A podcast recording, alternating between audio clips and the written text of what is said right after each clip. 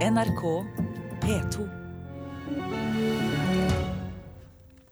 Og da har vi akkurat 11 minutter på å gjennomføre Fredagspanelet. Ønsker velkommen kommentator i Dagbladet Inger Merete Hovelstad, journalist og forfatter Katrine Aspaas og forfatter og filmfyr Arne Bergen. Velkommen alle sammen. Tusen takk. Første spørsmål.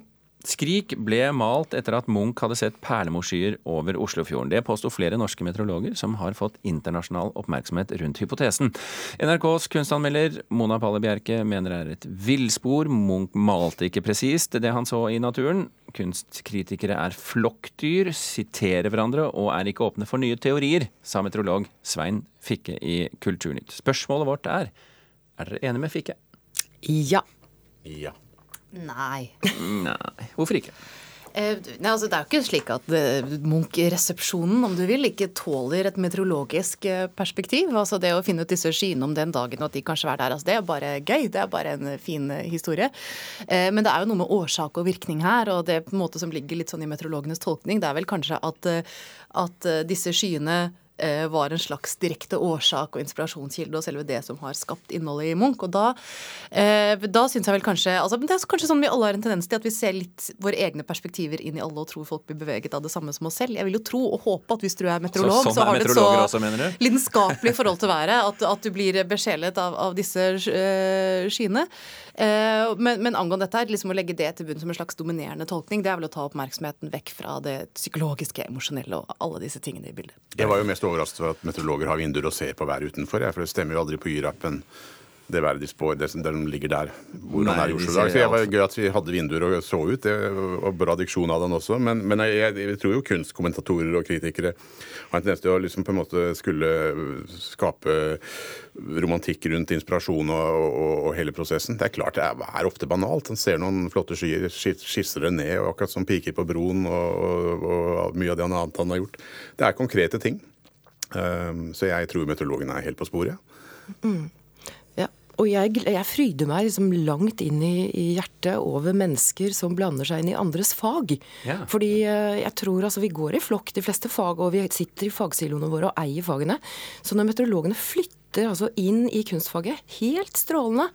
Eh, og det jeg skulle ønske liksom flere Jeg tenker på hva psykologene har gjort med økonomifaget de siste ti årene. Helt fantastisk. Og tenk deg liksom hva innovative bønder kan gjøre innen helsefagene. Vi må blande oss mye mer inn i fagene til hverandre og slippe tak i sånn Nei, det er mitt fag. Så alle fag, fagområder bør egentlig ha sin meteorolog? Ja. Ja, altså, Tverrfaglighet er jo en Minst eh, topp ting. Kjør på. Få, altså, det, få så mange perspektiver inn i kunst eh, som mulig. Altså, det, må, det må den jo tåle, og det tåler den eh, som regel. Men her er- var det vel mer en slags litt sånn kupping av årsak og virkning som man ble drevet med. At man sa at der, det, nå har man identifisert den utløsende faktoren.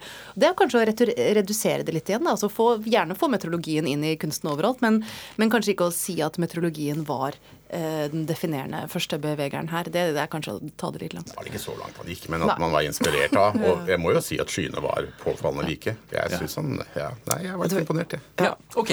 Flere meteorologer inn i fagene. Vi er i hvert fall glade i våre meteorologer, om ikke annet. Eh, Vi hopper til neste spørsmål. Regjeringen vil nemlig fjerne pensjonsordningen til sangerne og danserne i Den norske opera og ballett, og erstatte den med et tilbud om en treårig omskoleringspakke.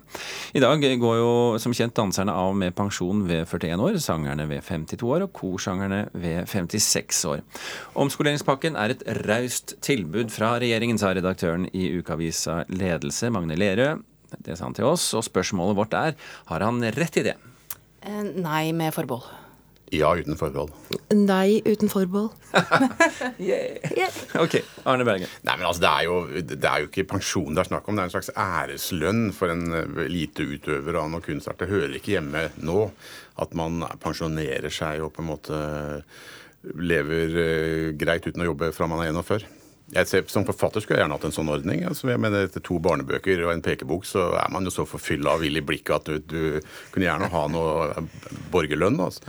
Aner vi at det er noen ballettdansere som hopper i stolen? Nei, men jeg tenker det, er, det kan umulig tolkes som braust. Når du har en pensjon, eh, når, du tas, når, du, når noen tar fra deg pensjonen, eh, som på sånn 8-9 millioner. Og så får du tre år med sånn omstilling. Det er ikke raust. Men i forhold til altså Ballettdanserne og operasangerne er jo fortsatt vår tidsadel innenfor eh, kunsten. Altså Vi har jo ikke kommet lenger. Det er jo, alle ønsker seg jo den type pakke med tre års omstilling. Men eh, de mister jo noe. Det er helt klart at de, de mister mye penger. Så det er ikke det at pakken i seg selv er dårlig, det er bare det at De mister jo veldig mye. mister mye mer. Eh, Inger Merete? Eh, Jeg syns det rett og slett er et kjempevanskelig spørsmål, der det er vanskelig å finne noen helt god løsning. Eh, For det er klart, altså, det, alle kan være enige om at folk bør stå i jobb etter at de er 41. eh, Og det er jo denne pensjonsbomben som ligger og tikker under Den Norske Opera og alt det der. Eh, Samtidig så er ballettdanserne nå en veldig særegen yrkesgruppe, og det får man liksom ikke gjort noe med. Det ligger liksom i sakens natur. Eh, De har måttet ta en veldig spesialisert fysisk utdannelse i årene hvor vi andre utdanner oss til andre ting som vi kan bruke eh, til mindre fysisk krevende yrker. Og de, det er rett og slett eh, kroppen deres setter begrensninger for at de kan gjøre jobben sin særlig lenge. Fordi den krever den typen styrke og presisjon den gjør. Og selvfølgelig kan man si at ja, de er, dette er en pensjonsordning få andre yrkesgrupper har. Men så har de også frem til det hatt et veldig barsk liv. De er ikke høyt lønte. Altså vi snakker i praksis om toppidrettsutøvere som lever på ganske lav lønn. Og de fleste er jo ikke for øvrig fast ansatt eh, i det hele tatt. Eh, og det å da i tillegg skulle miste så stor del av den lille økonomiske sikkerheten som fins, fordi gitt hva de har resten av karrieren, så er jo ikke Altså, de lever jo med ganske stor økonomisk usikkerhet eh, ellers. Så det å finne Hvis man kunne finne en eller annen blandingsløsning eller alternativ løsning hvor man kunne finne ordninger som stimulerer dem til å jobbe videre Løsningen heter eh, samtidsdans, for der er det jo mye folk med dårlige knær og vektrev og rullator og sånn. Men, men Bergen, det er jo et poeng Inger Merete har her. eh, Nå la jeg merke til at jeg sa etternavn på deg Ja, ja. Fornavn på deg. Det var jo det bedre bedre å være. Eh, eh, Arne, Ja. Inger Merete har et problem her. Nei, et poeng her. Takk! Der kom Ja, det. Det er bra det er fredag. Minuttene går. Eh, hun har altså et poeng her. Dette er jo toppidrett. Det er jo en eh, voldsom kvalitet på det de holder på med, og det går også voldsomt utover kroppen deres. Det gjør det jo ikke å skrive bar- barnebøker, tross alt. Det går utover leveren. Altså, nei, nei, jeg er helt enig. Det er jo, jeg har full respekt for den innsatsen du gjør. Er du gæren?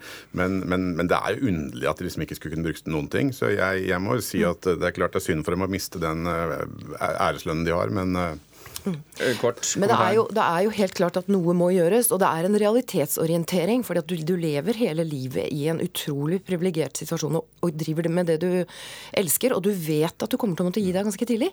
Så da er det sånn OK, da har jeg tre års omstilling, så jeg, det, jeg tror de kommer til å klare det. Jeg har veldig tro på operasangerne og ballettdanserne. Eh, Kan jeg bare fort skyte inn noe som fort faller bort dette? Det er at flere faktisk fortsetter å jobbe som koreografer og som danselærere og som sånne ting. Så det er ikke snakk om at alle bare legger seg på sofaen når de er 40. Nei, og det har vi heller aldri Jeg påstått, så bare så det er sagt. Ok, Vi hopper til neste spørsmål. Vi må snakke om eh, alle de tingene vi omgir oss med som er eller vil bli koblet til internett. Vi snakker om kjøleskap og vannkoker og lekedokker. Alt skal på nett i fremtiden.